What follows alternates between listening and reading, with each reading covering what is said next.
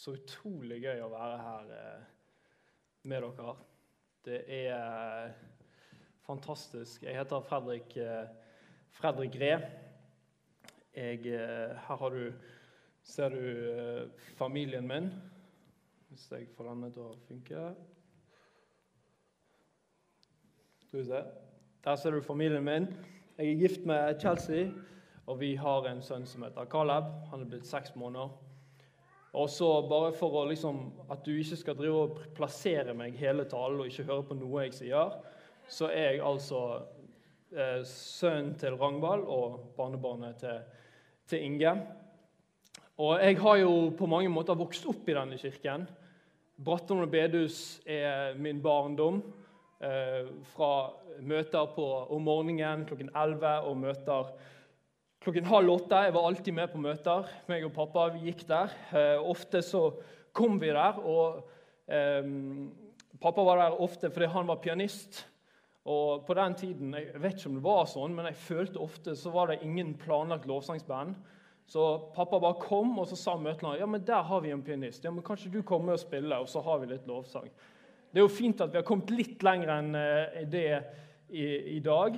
Men eh, så jeg var på mange møter, og jeg har vokst opp i denne kirken. Og kanskje mange av dere kjenner meg som en liten, uh, liten unge som klatret på pianoet. Um, men jeg, jeg, er utrolig takknemlig for det denne kirken har betydd uh, for meg og for, for, vår familie, storfamilie. Mine kusiner og alle er, er her og har funnet Jesus her. Det er fantastisk. Og så jobber jeg i, i Tremorkirken som pastor der fulltid. Har gjort det i, i snart eh, tre år. Og eh, ja, begynte der da jeg var 13. Så var jeg eh, ungdomspastor der en periode. Og så var jeg i Australia i tre år, studerte Bibelen, og så kom jeg tilbake. Så det er litt om meg. Og så skal vi snakke om Guds kjærlighetssorg i dag. Og jeg har lyst til å, lyst til å kunne gi dere et, et, et et glimt av, av Guds hjerte. Jeg har lyst til å få smake, kjenne litt på Guds hjerte i dag. At, at det kommer litt under huden vårt eh, på hva Gud er det egentlig, hva er det han egentlig kjenner på i, i møte med våre liv, i møte med de valgene vi tar. Så Vi skal se på en historie fra Gamle Testamentet, fra profeten Hosea. Eh, og så skal jeg bare gi dere struktur på hvordan jeg taler, for du er kanskje ikke vant til å høre meg. Eh, Ingvild nevnte at eh, podkastene våre er på tremosjekket.no. Det stemmer ikke. De er på Spotify. Så hvis du, bare, hvis du har lyst til å høre de der, så er de der.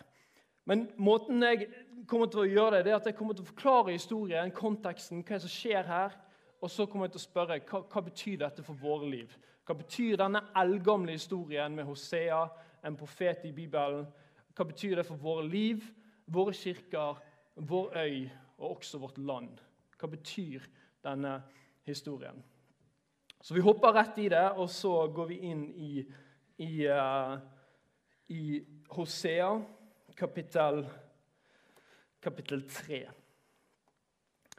Der leser vi dette herre.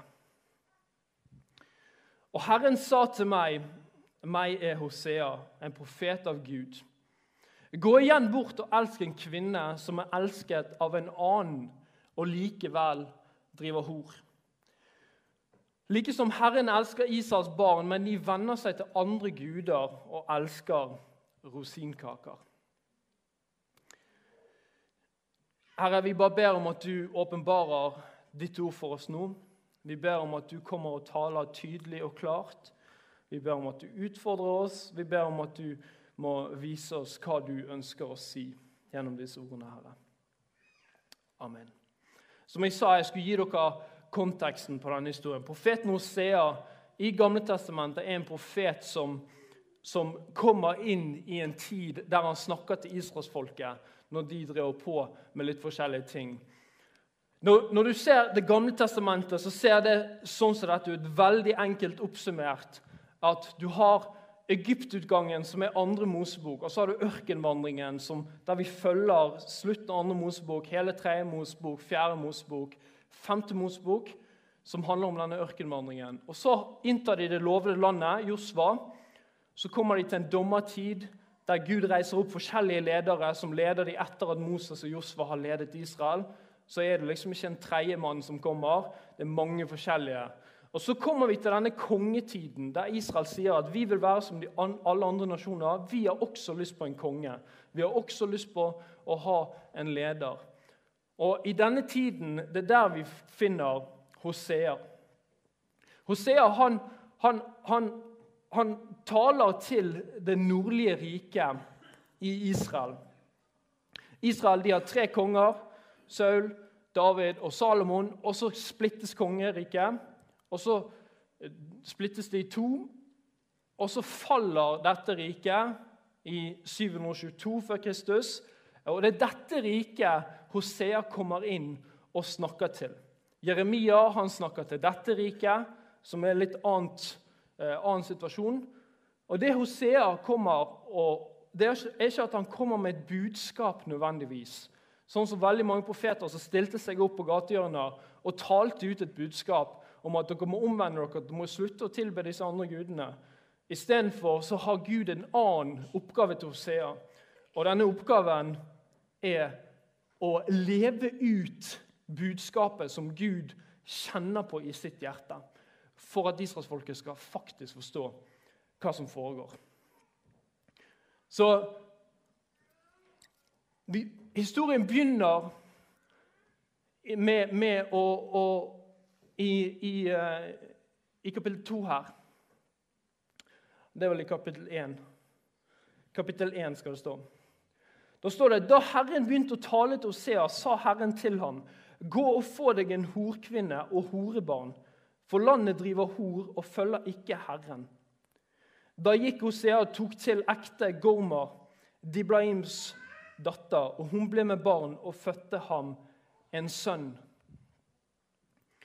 Så Guds oppdrag til, til, denne profeten er at du skal ikke stille deg opp og fortelle et budskap og skrike 'omvend dere'. Nei, det har vi prøvd mange ganger før.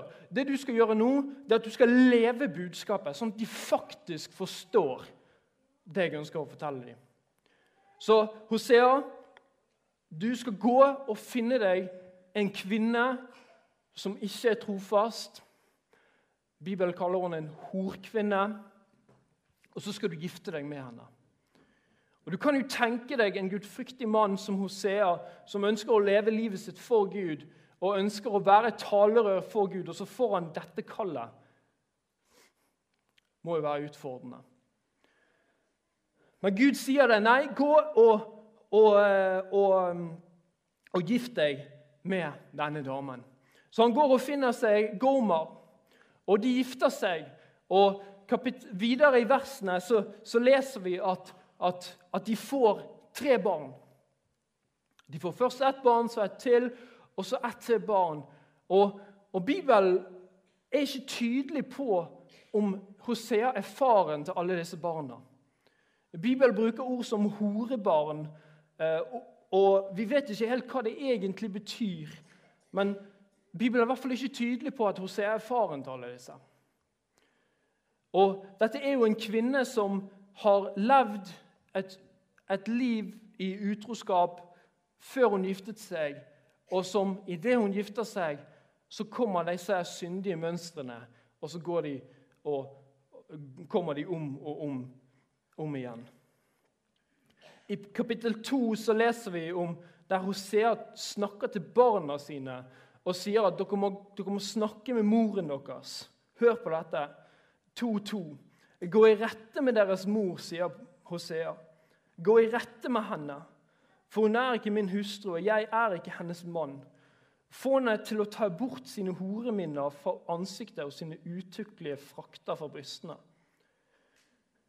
For deres mor har drevet hor. Hun som fødte dem, har båret seg skammelig att.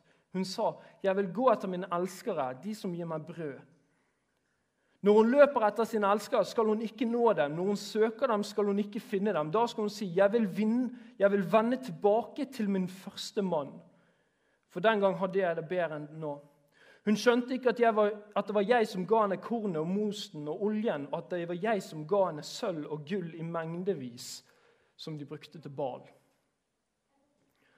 Du skjønner, Historien her er at, er at Israel de, de holder seg ikke til Gud. De har en avgud, og spesielt en avgud som heter Bal, som de tilba, som, som ble sagt at han kunne kontrollere været. Kontrollere tid det kom vann, altså tid det regnet, tid det var fint vær. Og, og, spesielt i Israel, hvis du har vært i Israel, så vet du at det kan være veldig tørt. Og avlingene og for bøndene og alle disse, for at de skulle ha gode businesser, så måtte det regne. Så de, faktisk En av hovedgrunnene til at de tilba denne balen, israelsfolket, var for å få det til å regne. Vi trenger jo ikke sånne guder her eh, på Vestlandet. Men det var jo helt relevant for deres del. Og også for fruktbarhet. For å, for, for, for å være fruktbare så tilba de disse gudene. Og så, og så er hele historien at, at, at, at, vi leser om denne familien, og, og der hele bildet er på hvordan Israel er mot Gud. Hvordan de er utro gang på gang på gang. Og så sier Gud i, i kapittel litt seinere, rett etter det jeg leste her, så sier Gud til Israel Jeg vil trolove meg med deg for evig tid. Jeg vil trolove meg med deg i rettferdighet og rett, i muskenhet og barmhjertighet. Og jeg vil trolove meg med deg i troskap, og du skal kjenne Herren.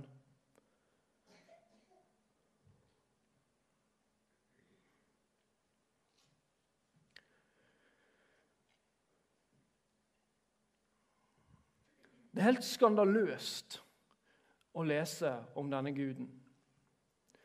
Denne guden som, som opplever at folket hans er, er utro mot ham gang på gang. Og Han bruker dette bildet, ekteskapet, for å vise smerten over utroskapet. Og så sier Gud allikevel at jeg, jeg, uansett hvor utrof, utrofast du er så vil jeg trolove meg med deg for alltid. For alltid vil jeg trolove meg, og jeg vil aldri bryte min pakt. Og Når vi leser videre i historien, så ser vi at, at Hosea har fått tre barn. Og dere som er trebarnsforeldre, vet at da har du i hvert fall vært gift et par år i hvert fall fire, fem, seks år. Poenget er at de har levd sammen en stund nå. De har vært sammen. Og så, og så leser vi i, i kapittel 3, og Herren sa til meg Gå enda en gang bort og elsk en kvinne som er en annens elskerinne. Dette var det vi leste i begynnelsen. Og bryter ekteskapet. Slik Herren elsker israelittene, enda de venner seg til andre guder og elsker rosinkaker, så kjøpte jeg henne for 15 sekel sølv og en hummerbygg og en letekbygg. Hva er det som foregår her? Jo, etter tre barn, etter å ha vært gift et par år Gud talte i kapittel 1, i vers 2, gå og finn deg Gomer. Dette er 6, 7, minst seks-syv år siden nå. Og Så taler han igjen i kapittel 3. Gå igjen, tre barn seinere, gå igjen og finn Gormor. Om Gormor har vært vekke lenge, det, vet, det sier ikke teksten om. Og Gormor har vært vekke en kveld, det sier ikke teksten om. Det vi vet, det er at hun er en annens elskerinne. Og Så sier Gud til Hosea at du skal gå igjen og ta henne. Og Jeg vil at du skal sette deg inn i Hosea. Din kone. Du har fått tre barn sammen med henne. Plutselig er hun vekke. Og Så går Gud og sier dette til deg, og så sier han du må gå og finne henne igjen. Du må gå og lete etter henne, Hosea. Og Hosea, den gudfryktige mannen han er, må begynne å lete i klubber han aldri skulle satt sin fot innenfor. må begynne å gå på gatehjørner han aldri skulle vært, og som ville vært en skam for en gudfryktig mann å blitt sett at han var der. Må begynne å spørre disse forskjellige sexforhandlerne og spørre har du sett konen min.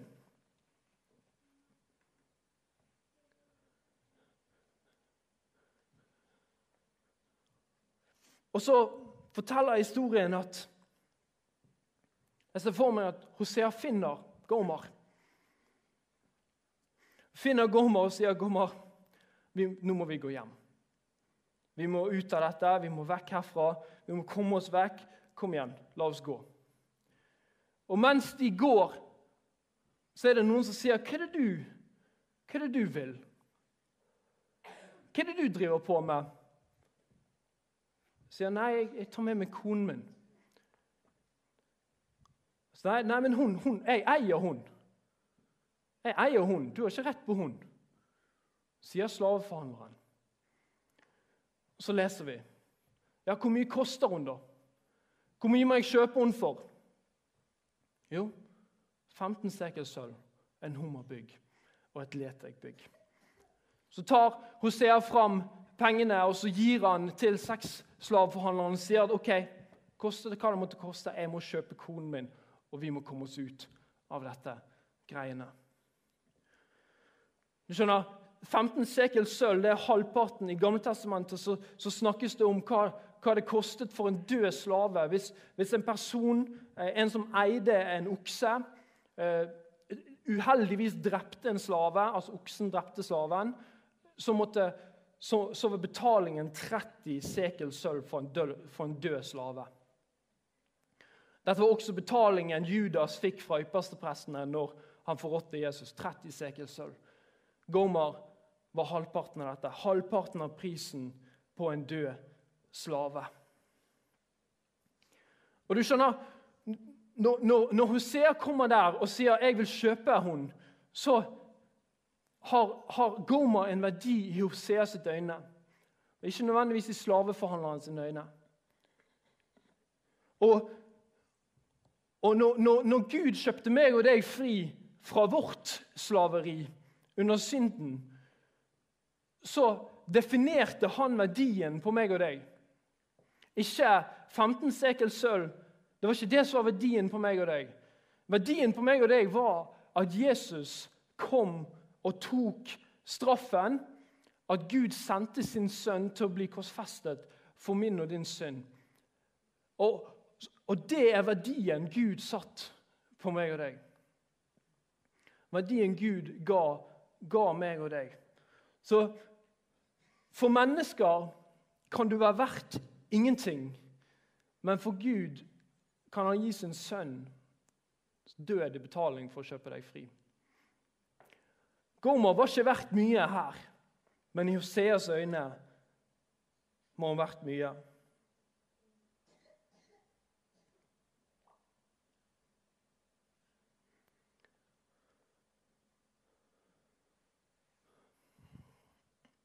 Når vi leser historien videre, så føler jeg at poenget er veldig tydelig. Jeg føler Gud har aldri vært så tydelig som han er med poenget sitt. Han har sagt mange ganger før dere må ikke tilbe avguder. Dere må ikke tilbe de forskjellige tingene. Dere må slutte å leve eh, lunkne liv. Dere må slutte å la synden fylle dere. Dere må slutte å gjøre disse tingene. Men her kommer det et tydelig budskap fra Gud.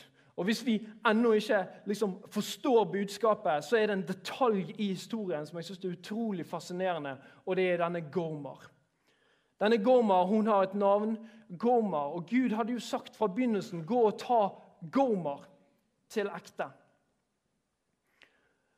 Og denne, denne kvinnen som i denne historien skal representere hele menneskeheten, denne kvinnen som Gud skal bruke til å representere israelsfolket, skal representere hele menneskeheten, damen som ikke klarer å være trofast, damen som, som igjen og igjen synder, damen som ikke får ting til damen som feiler, hun har et navn.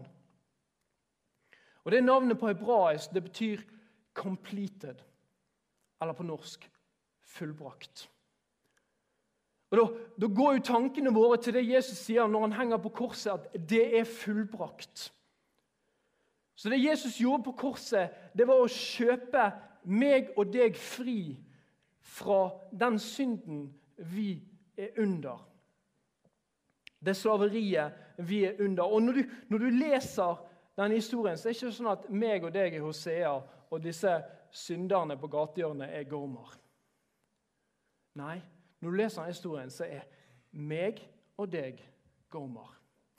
Og Jesus er Hosea. Og Det er så lett for oss, spesielt kristne, at, at vi, vi, tenker at, at, at, Gud frelste oss når vi hadde ting på stell. At, at, vi lever et liv der vi prøver å få ting til i livene våre. Der vi prøver å streve for å få ting til, for å være god nok. Og så skjønner vi ikke at Gud frelste oss når vi satt midt i driten. Vi ble rett og slett tatt med buksene nede. For å bruke bildet som, som vi ser her. Og Kanskje det kan hjelpe deg med denne selvrettferdigheten. Dette med å rettferdiggjøre oss sjøl, med å få til gode gjerninger, med å, med å gjøre disse forskjellige tingene. At, at vi, vi, vi, er helt fullstendig fortapt uten Jesus. At han kjøpte oss fri fra dette greiene. Og Når Jesus sier det er fullbrakt, og så sier, sier eh, Timoteus 2,13 at er vi trofløse, så blir han trofast. For han kan ikke fornekte seg selv. Vår frelse avhenger 100% av hva Jesus har gjort, og 0% av hva vi fikk til. Og så er jo det når du er frelst, så kommer det gjerning og alle sånne ting. Men når det handler om vår frelse, så handler det om en og alene om hva Jesus har gjort for oss.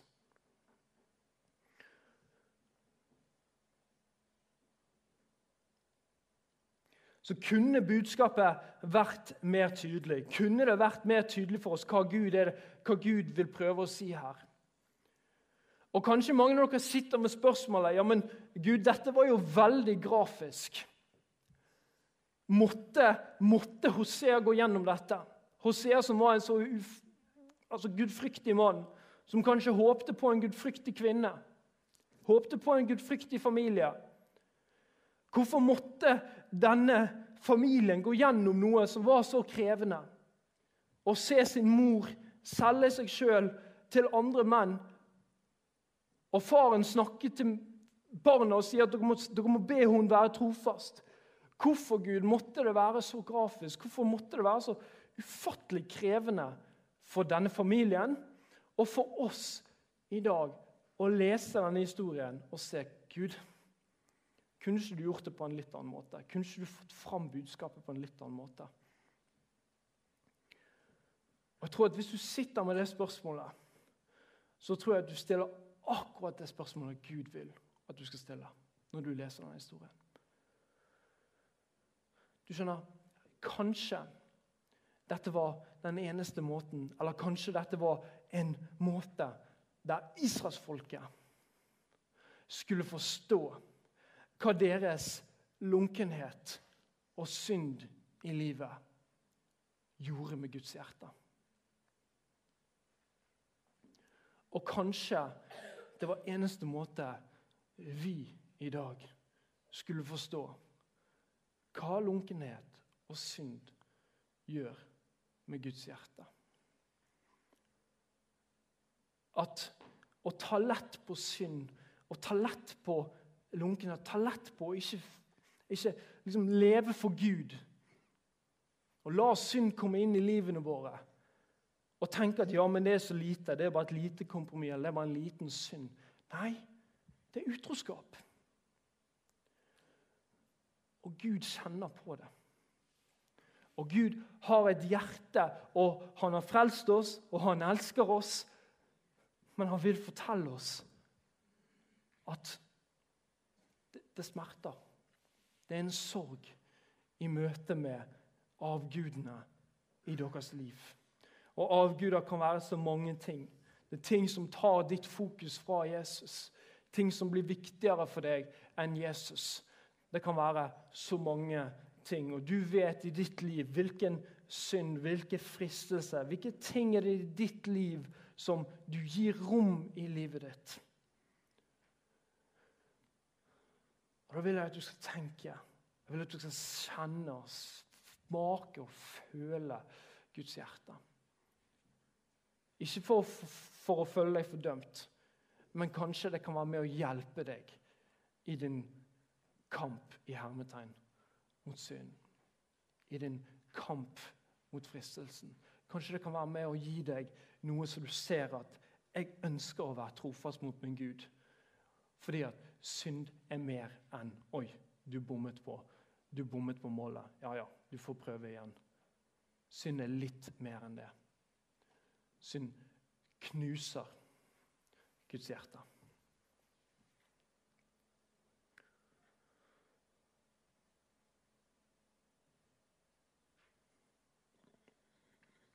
Og så nevnte jeg til dere, som jeg sa der, at, at Israel de falt i 722 før Kristus.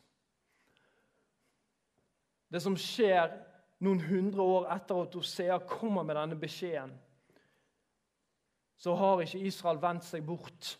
De går litt sånn fram og tilbake. Noen ganger så omvender de seg, noen ganger så lever de i synden. Og så, og så går det videre, og så, og så, kommer det til et punkt der Gud sier OK, nok er nok.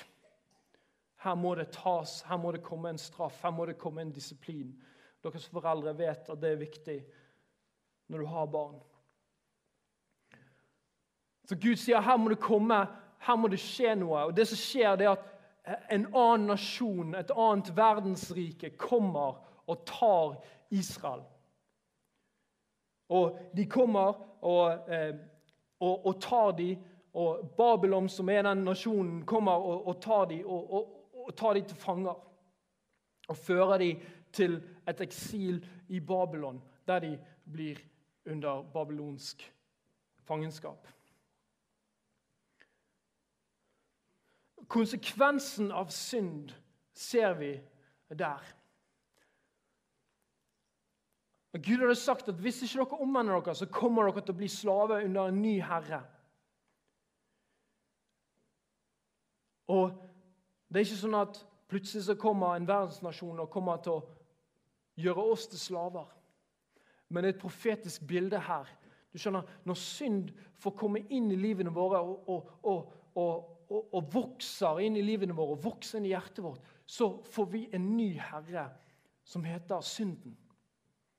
Synden tar over i livet vårt og tar vekk friheten vår, fyller oss med angst, fyller oss med frykt, fyller oss med mange forskjellige ting fordi vi åpner opp for at synden kan fylle hjertene våre. Så synd i våre liv ødelegger vår frihet. Så når Gud, når Gud sier at dere, dere, må, dere må vende dere vekk fra disse avgudene, så er det nummer én det knuser mitt hjerte. Dere vet hvordan utroskap føles. Israel. Du kan sette deg inn i situasjonen. Du ville uansett Du må kun ha opplevd det hvis du skal virkelig vite hvor, hvor forferdelig det kan være. Det knuser mitt hjerte. Og nummer to det ødelegger ditt liv.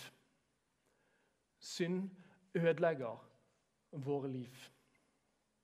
Det ødelegger vår frihet. Jeg snakker ikke nå om oi, du, du falt i en synd. Jeg snakker om syndige mønstre. Jeg snakker om ting du faller i, ting du ikke tar skikkelig oppgjør med. Jeg snakker ikke om ting du, ting du, til, ting du virkelig sliter med, og som du omvender deg med en gang. Jeg snakker om når du ikke omvender deg fra synden. Når du ikke velger å rette ditt hjerte og sitte på kne og be om tilgivelse. Det er det jeg snakker om. Så ikke tenk at det, det, For vi, vi, kommer aldri til å bli syndfri. Vi kommer aldri til å få dette helt ut før vi kommer til himmelen. Men jeg snakker om disse, disse mønstrene, disse, disse, tingene vi kan ta oppgjør med. Disse tingene vi kan gjøre noe med. Hvis vi tar et valg, hvis vi bekjenner det i bibelgruppen vår, hvis vi forteller det til folk, hvis vi får det opp i lyset For sannheten er at det som er i mørket, det har du allerede mistet kontroll over.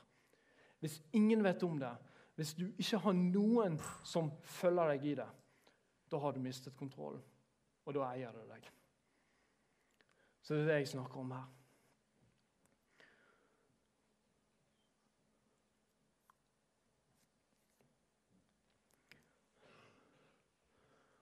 Salomo ber dette 100 år før, hundrevis av år før Hosea kommer. Inn i framtiden sier han hvis Israel velger å gå vekk, finnes det, finnes det noe håp, Gud? Og Da profeterer han dette. Hvis da dette folket, som mitt navn er nevnt over, ydmyker seg og ber, søker meg og vender seg bort fra sine onde veier, skal jeg høre dem fra himmelen, tilgi dem syndene og lege landet.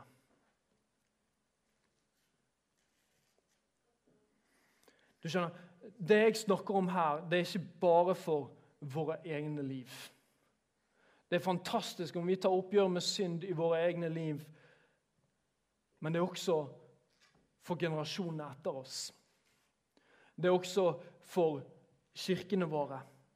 Det er også for øyen vår, og det er også for landet vårt. Når Gud sier at ja, det finnes en vei, og det handler om å bekjenne vår synd og omvende oss og søke Gud igjen Og så vil Gud komme med en vekkelse og tilgi syndene og lege landet vårt. Det er et budskap til meg og deg. Det er et budskap til alle sammen, og det er et budskap som vi må ta på alvor. Ikke bare for oss sjøl, men også for landet vårt. Og Jeg er overbevist om at vekkelse det kommer når Gud vekker opp våre hjerter. Når Gud vekker opp mitt og ditt hjerte, vi som tror på Jesus, da kommer vekkelsen. Så det Gud må få gjøre, må, han, må, han, må, han, må få, han, må, få, tak på hjertene våre. Han må få tak på den lunkenheten vår. Han må få tak på den synden som, som vi ikke velger å gi til ham. For vi, for, vi føler på mye skam, vi føler på mye frykt. Og så må vi gi det til han, og så må han få lov til å helbrede oss og lege oss. Og da kan han sette oss i fyr og flamme for Herren. Og vi trenger, vi trenger å reise oss for å nå denne øyen. Vi trenger jeg sier til folkene i Tremorkirken vi trenger å reise oss. For det er så utrolig mange mennesker der ute som ikke kjenner Gud, som Tormund nevnte. For en måned siden så hørte jeg om en ungdom som tok selvmord. Det skal ikke skje her. Det skal ikke skje her der vi er. Det, det, er, det er, noe galt. Vi, vi skal være der.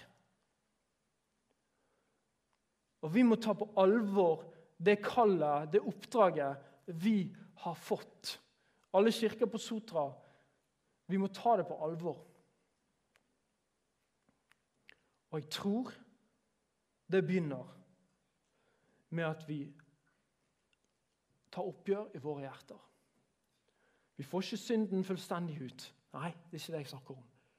Men disse syndige mønstre, disse ting vi ikke har bekjent før, disse ting vi egentlig ikke har Vi har kanskje bedt om livets til Gud, men vi har ikke fortalt det til noen, så vi faller i det om og om igjen. Disse tingene må vi finne frihet fra. Vi må finne frihet fra det. Vi må la Gud fylle oss opp på nytt. Og vi må la Gud sette oss i fyr og flammer fra Hans rike.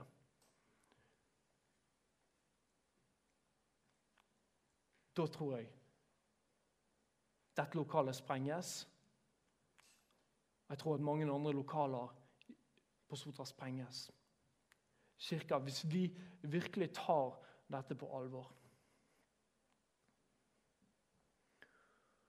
Så Herre, vi, vi, vi takker deg for at du er her. Vi takker deg for at du Du er vår Gud.